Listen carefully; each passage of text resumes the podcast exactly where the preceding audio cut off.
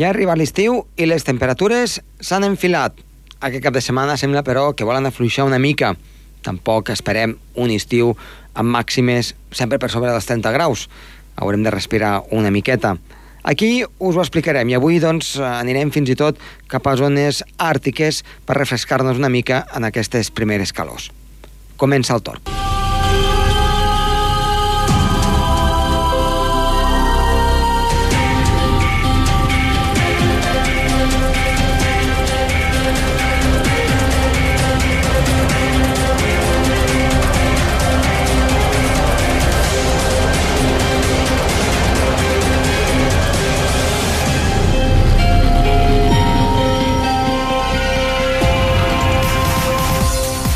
Molt bona tarda. Gràcies per estar un cop més escoltant el programa Tor, un programa doncs, que es despedeix per aquesta temporada i que, doncs, com sempre, molt contents de que ens hagin escoltat i hagin seguit una mica les notícies de meteorologia i les entrevistes que els hi hem ofert. Avui se'ns escolten des de qualsevol punt del món per internet, des del seu vehicle o, per què no, des del seu transistor. Els hi fem una salutació molt cordial. Anem a començar el programa. Som-hi!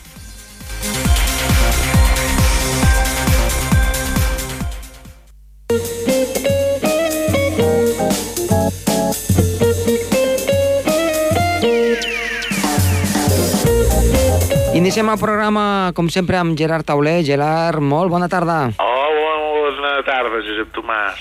Bé, doncs, eh, en aquest darrer programa de la temporada, quina notícia ens portes meteorològica? Bé, les anomalies tèrmiques de l'hemisferi nord que aquesta primavera aquest any. Molt bé, doncs eh, ja hem acabat la primavera, hem començat l'estiu i, per tant, eh, és un bon moment doncs, per fer una miqueta de balanç, com tu, com tu has dit. Sí. Quines, quines anomalies hem trobat? Doncs Espanya més aviat ha sigut una primavera fresca, almenys en relació als últims 15 anys, més o menys. Uh -huh, perquè tant veníem d'un Fresca i, i humida, sí. veníem d'un hivern potser no, no massa fred. Càlid, i més aviat- càlid del normal. Més càlid normal i ara doncs s'ha girat la truita una mica en, Sí, sí. amb aquesta primavera. En canvi, hi ha un molts de llocs que ha sigut força càlid, sobretot a, a Grenlàndia i Alaska.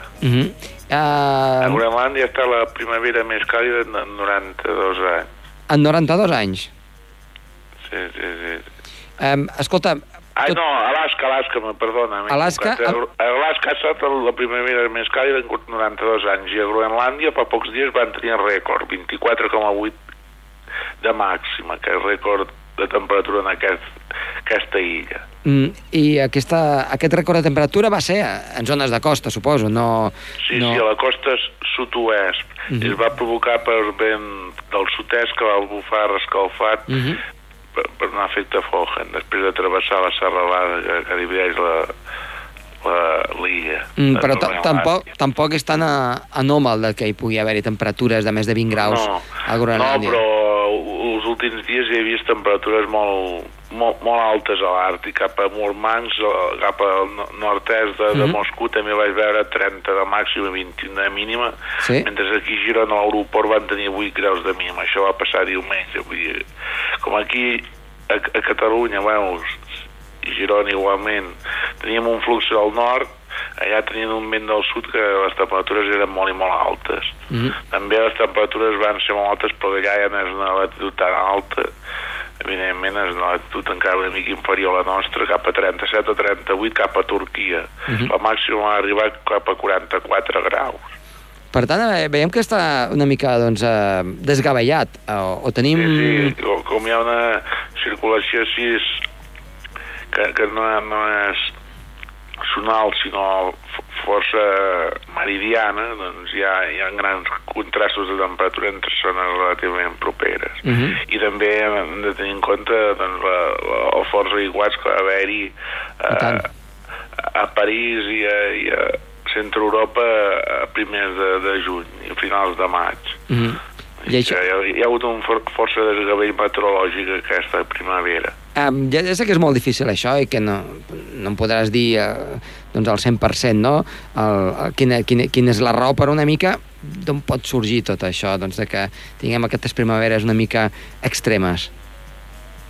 No sé, potser ha, ha sigut no sé, amb un canvi de la, de, de, de, la, de la circulació, no, no sé, potser després d'un hivern càlid Sí. venen primaveres així. No, no. Però clar, Alaska eh, eh, rècord de temperatura amb 92 anys. Groenlàndia també que rècord de temperatura... 92 anys, i, i diu que feia 92 anys que tampoc eh, fonia el, el gel i la neu tan aviat. Mhm. Es van fondre el, el 13 de, de maig a Barrow, que està al nord d'Alaska. Sí, sí.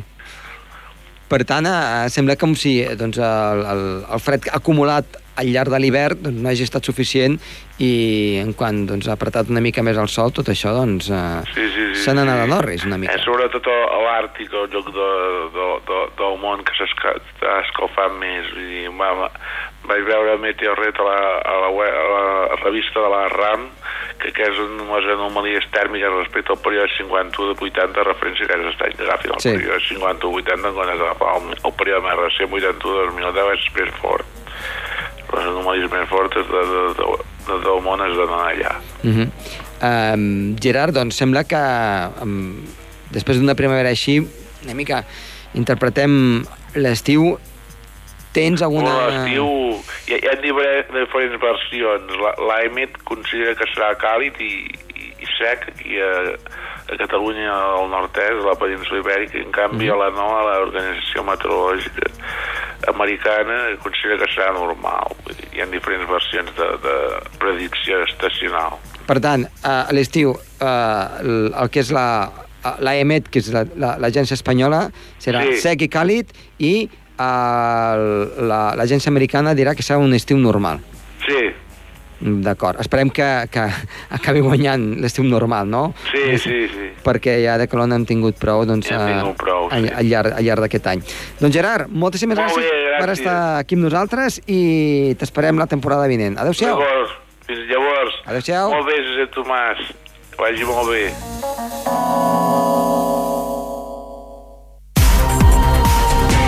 Torn amb Josep Tomàs.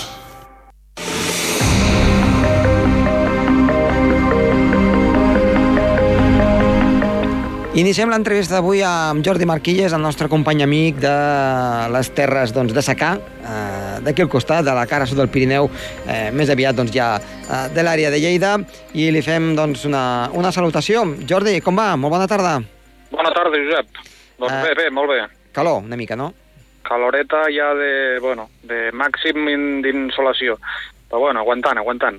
Molt bé, avui eh, el que ens portes, doncs, eh, mm, com moltes vegades, no? el teu, el teu diguem-ne, la teva dèria, el teu tema preferit i que a nosaltres doncs, ens encanta, que és eh, d'una zona càlida, doncs, com, la que estem, al Mediterrani, poc o molt, eh, ens anem a l'hemisferi nord, en el qual estem, però molt més enllà, a latituds altes, a zones doncs, eh, on fa veritablement fred, especialment a l'hivern, i per parlar avui una mica de cobertura de neu i tendències de cara doncs, al que és eh, els propers anys. Com ho tenim, això? Doncs sí, com dius, mm, ens enfoquem sempre cap amunt, és a dir, bueno, latituds àrtiques i tot... eh, latituds àrtiques que ve a ser com és l'aire condicionat del planeta, en definitiva. I vull dir, sempre tenim un ull perquè si funciona l'aire condicionat, condicionat pues anirem, anirem bé i si va una mica boig, pues, bueno, aquí rebem conseqüències claríssimament.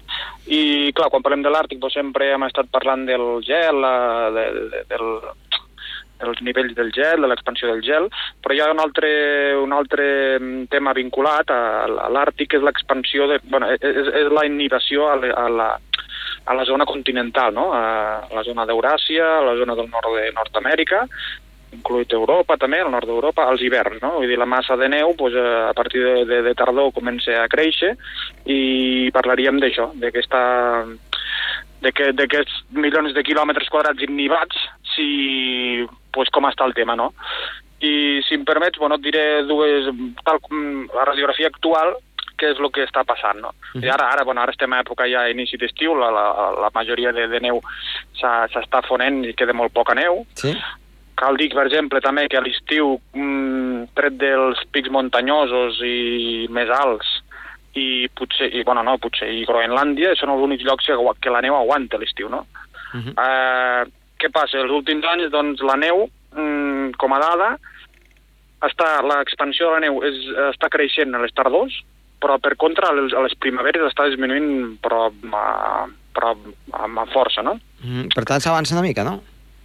S'avança, sí, neva abans a la tardor i, i, i en canvi, quan s'acaba l'hivern, això es desfà pues, a tota castanya. Uh, sobretot amb, amb aquests darrers mesos, per exemple, et diré que aquest uh, març, abril, maig, eh, es podria dir que, que, que és, és la primavera més, de, de més desfeta de neu de tota la, sèrie, de, la, de tota la sèrie que està estudiada. Això no estudien alguns organismes, entre els quals hi ha la Universitat de Rutgers, als Estats Units, i tenen dades, bueno, com, a, com el gel àrtic, ho van seguint, i tenen dades des del l'any 67-68, si no recordo malament, i això, doncs aquesta, aquesta primera s'està des, desfent molt, no? Per contra, els tardors està creixent molt la massa d'inhibició, neve abans, i no sé, em preguntaràs, i com és això? Què passa? no? Suposo. Sí, de, de fet, el, a veure, moltes vegades eh, aquí ho estem dient una mica al revés, no? Almenys aquí a Andorra, eh? el que s'està... Eh, si més no, Vox Populi, eh? no pas sí. amb dades eh, fiables, que això doncs, ho fa el Centre d'Estudis de la Neu i de la Muntanya d'Andorra, el CEMMA, sí. doncs, que va donant les seves dades, eh, que van recollint al llarg, al llarg del temps, al llarg dels anys, però la Vox Populi, doncs una miqueta el que, la sensació, no? que també és important, si més no, és de que, mm, clar, eh, mm, no neva fins al Nadal, com sempre ha fet, però després la primavera s'allarga una mica i, i, i la neu doncs, neva més cap a, cap als mesos de doncs, finals de març, abril i fins i tot al maig que no pas al gener-febrer, clar. Sí, jo moltes sí. vegades m'ho diuen i faig l'explicació, és que clar, al Pirineu a l'hivern no hi neva massa, és, és, és la veritat. Sí, sí, Tenim sí, més sí, aviat anticiclons. Sí, sí. I la primavera sí que sol ser més amb més precipitació. Però clar, tu m'estàs dient una cosa doncs, que va a l'inversa, o si més no, precipitació en forma d'aigua. Sí, sí, és una mica paradoxal, però és el que hem dit a vegades. Clar, quan, tu foca, quan ens focalitzem a Catalunya, als Pirineus, de, clar, això és a nivell micro, vull dir, és una, un, un punt concret de, de l'hemisferi nord, és un, nucle, un punt petit, també molt variable, depèn de com és l'hivern, amb les seves peculiaritats, no?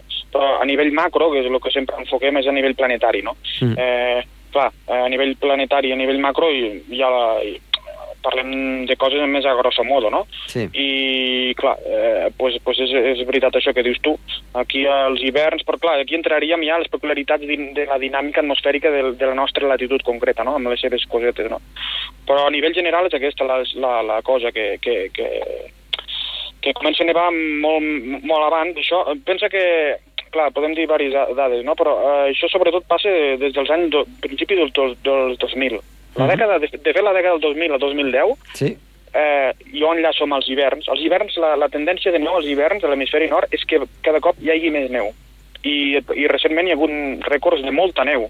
Eh, això també ve la diu. Tant tardor com hivern, la neu va a més. Uh -huh. Per contra, la neu a les primaveres va amb cai caiguda lliure. I això s'explica per, bueno, hi ha mecanismes de fons, eh, que és lo complicat d'analitzar, Uh, no sé, una teoria és que et diu, la teoria lligada amb el, amb el calentament i tal, és que et diu, per exemple, la zona de, la, de, de, la, de, de Sibèria, no? que és on, on, on la zona euroasiàtica, sí. que és on, on s'acumula moltíssima neu, hi ha la tardor i bueno, tot allò ja és, és una zona extensíssima, pues allà comença a nevar a l'octubre. Mm, quin és el raonament? Pues ell eh, pues es ve a dir que, per exemple, deixa l'Àrtic com deixa a, a, a, a, deixar aigua lliure, no? sense gela, eh, la qual pues, pues, rep una, un cert escalfament a finals d'estiu. Què passa? Que de cara a la tardor eh, hi ha més humitat a l'aire, però degut a, que no hi, ha, no hi ha gel, sinó que hi ha massa aquosa sí. que, que, que permet més l'evaporació. I més o menys el mecanisme, després, amb la, amb la borrasca de turno, el que hi ha aquí, l'encisió de vents, fa que la costa nord de Sibèria, per exemple, comenci a, a nevar. Tipus, la, tipus uh, lake, lake effect, sí, sí. l'efecte llac. Uh mhm. -huh. És una, expli una explicació. Per tant, per tant perdó, eh, eh, seria com un efecte llac, això és nou, eh, que, que, que estàs dient, o si no, o si més no, poc conegut, eh, en, entre, efecte llac entre el gel i, sí. i la costa. Sí. Aquesta massa sí. d'aigua, quan passen les perturbacions per damunt, fa que a l'arribar a la costa eh, de Sibèria doncs sí. es produeixi aquest, aquest efecte llac, no? Sí, massa aquosa, eh, oberta, mm, clar, amb més humitat, diguem, clar, és, és el que et pots imaginar, és com els grans llacs americans amb sí. els seus efectes llacs, pues seria una mena de mecanisme similar. Això és el que s'explica al mundillo ara de, per, per, per donar una hipòtesi explicativa, no? Uh -huh. I, bueno, a la vegada això que provoca, bueno, això, això té conseqüències, eh, és a dir, després, després, com que hi ha una massa nivada més d'hora, també refreda molt més al terra, mm, bastant d'hora, octubre, novembre, eh, tu sabràs, eh, no sé si els oients després hi ha una altra teoria que et diu que si a la tardor hi ha molta inhibició a la zona siberiana, eh, és un, un desestabilització del lloc que havíem parlat un cop, que és el vòrtex polar, uh -huh. vale?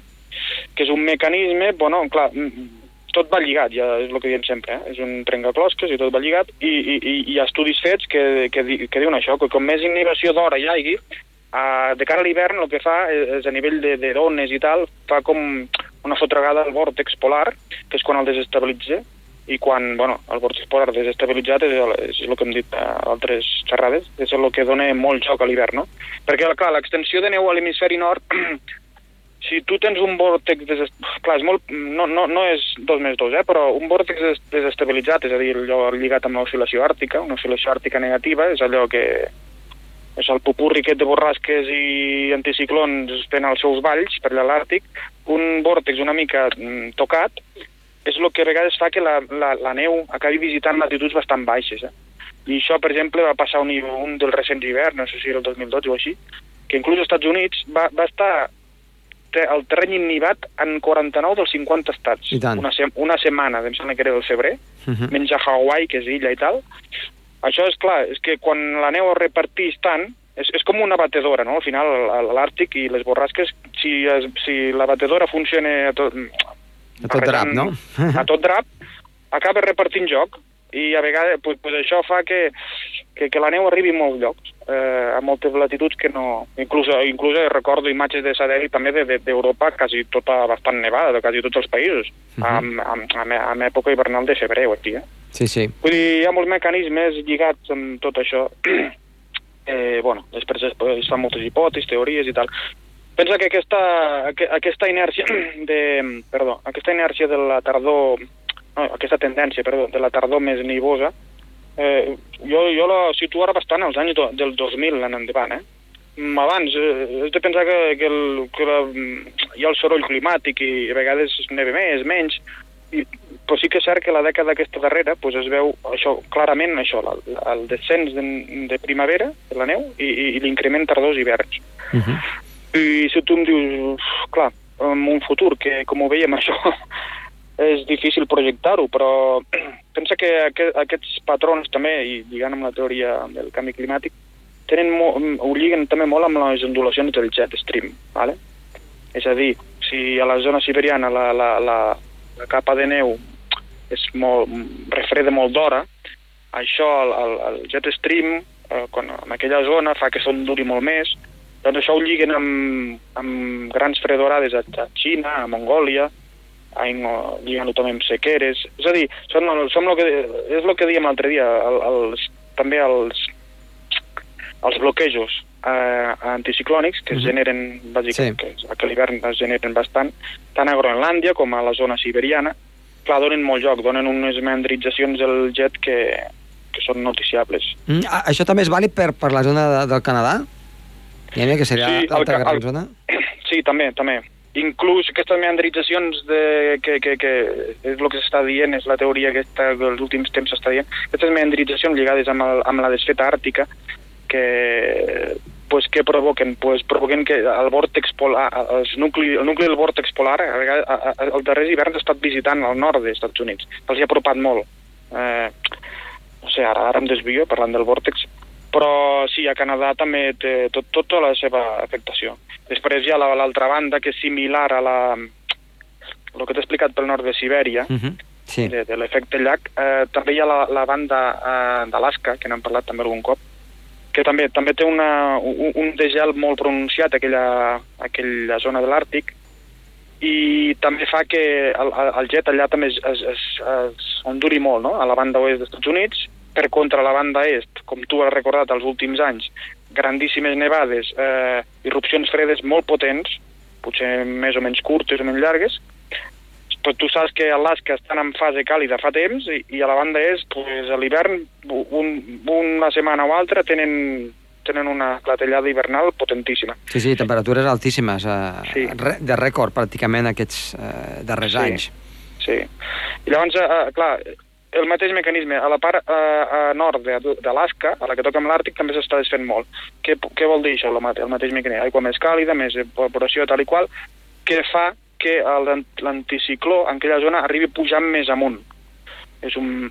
Passa que això també ho lliguen amb, amb, una, amb, una, amb un cicle oceànic que és la, la, la PDO, que Pacific Decadal Oscillation, que també té el seu, el, el seu joc aquí. Que també, segons si és positiu o negatiu, a la part d'Alaska, pues, o, pues, bueno, hi fa més fred o menys fred. Tot és un puzzle, ja ho saps. I tot això que està passant des dels anys 2000, bueno, i sobretot aquests dos, dos últims o tres anys, clar, el niño, el niño, eh, la niña, que, el niño, bueno, ja ho saps. Jo, jo, jo veig que de, aquest niño tan potent que hi ha, eh, no sé si és una cosa directa, però mm, pff, ho relaciono, pff, sospito que té relació amb, tant amb, amb, amb, amb les temperatures altíssimes d'aquest hivern, Sí. com amb el de gel àrtic pronunciadíssim, Uh -huh. com, com això, la, la, la primavera en, en, en què la neu s'ha desfet més, aquesta actual. I, clar, tot va, això va seguint, veurem a l'estiu, veurem... Ara el de gel àrtic s'ha frenat una mica, mm, semblava molt... eh, La caiguda continua sent pronunciadíssima, Sí. però s'ha frenat una mica. Peculiaritats de, de la setmana a setmana, no sé si la nebulositat Mhm. o alguna cosa, l'ha frenat una mica. Però bueno, ja ho veus, tot és un engranatge que sempre diem, i pulsions i cicles, tots combinats, i ara estem en aquesta fase. Doncs Jordi, eh, moltíssimes gràcies. Com sempre n'aprenem molt de, de les teves reflexions. Seguirem eh, a veure com evoluciona, especialment no, aquest, aquest estiu, que sembla doncs, que, eh, segons tot el que ens van dient els científics, ha de ser una mica apocalíptic, especialment doncs, a l'Àrtic, però després veurem a veure què ens diu la natura, com, com reacciona. Sí. Eh? I, I ho comentem ja a partir de setembre. Um, Jordi, moltíssimes gràcies i que passis un bon estiu. Igualment, Josep, que vagi bé l'estiu i ja parlarem. Molt bé. Adéu-siau, gràcies. Adéu, adéu.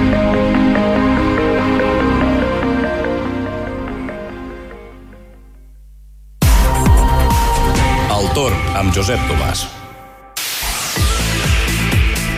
Doncs bé, en aquest darrer programa anem a fer una mica doncs, el temps per aquest cap de setmana, un cap de setmana que la parròquia d'Andorra la Vella, evidentment, doncs és festa, però a les altres parròquies eh, toca treballar. Per tant, eh, la dia de Sant Joan, la rebella, eh, en general tranquil·la, però, no, atenció, eh, aquest divendres a la tarda arriba un sistema frontal que farà que la nuvolositat vagi augmentant i no podem descartar la tarda i al vespre el risc d'algun xàfec o fins i tot alguna tempesta, amb unes màximes que tenen tendència a davallar. Si arribem a valors de 32-33 graus aquests darrers dies, a les zones més càlides, ens quedarem doncs, eh, al llarg de divendres amb valors, potser, justet, justet, fregant els 30 graus. Per tant, 2, 3, 4 graus de temperatura que va a la baixa. I pel que fa al cap de setmana, tindrem un dissabte marcat per la variabilitat. Una mica més de sol al matí, més nuvolades al llarg de la tarda, no es pot descartar alguna goteta i també les temperatures un pelet més baixes. Tenen tendència a davallar, però encara seran igualment càlides. Valor de les màximes entre els 26 a 27 graus a les zones més baixes, parròquies altes al voltant dels 23 a 25 graus i a l'alta muntanya, a 2.000 metres d'alçada, al voltant dels 16, 15, 16 graus aproximadament. I de nit no ha de glaçar ni molt menys, però sí que les mínimes han de voltar entre els 4 5 graus cap a 2.000, eh, 2.500 metres d'alçada. Diumenge, una situació força similar, pot haver-hi també algun calte ruixat de tarda, amb una mica de vents del nord, per tant les temperatures es mantindrien sense canvis en aquest aspecte, per tant serien un pelet, un pelet eh, menys càlides del que doncs, hem tingut fins a, en aquest inici de- d'estiu astronòmic.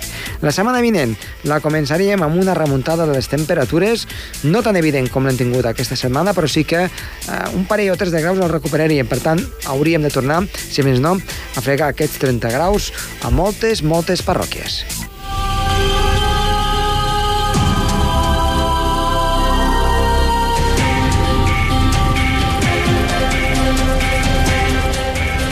I fins aquí aquest darrer programa de la temporada. Tornem a partir del setembre, després de Meritxell, i com sempre, les vides som Andreu Trastoi i que us ha parlat Josep Tomàs. Adéu-siau, bon estiu. El torn amb Josep Tomàs.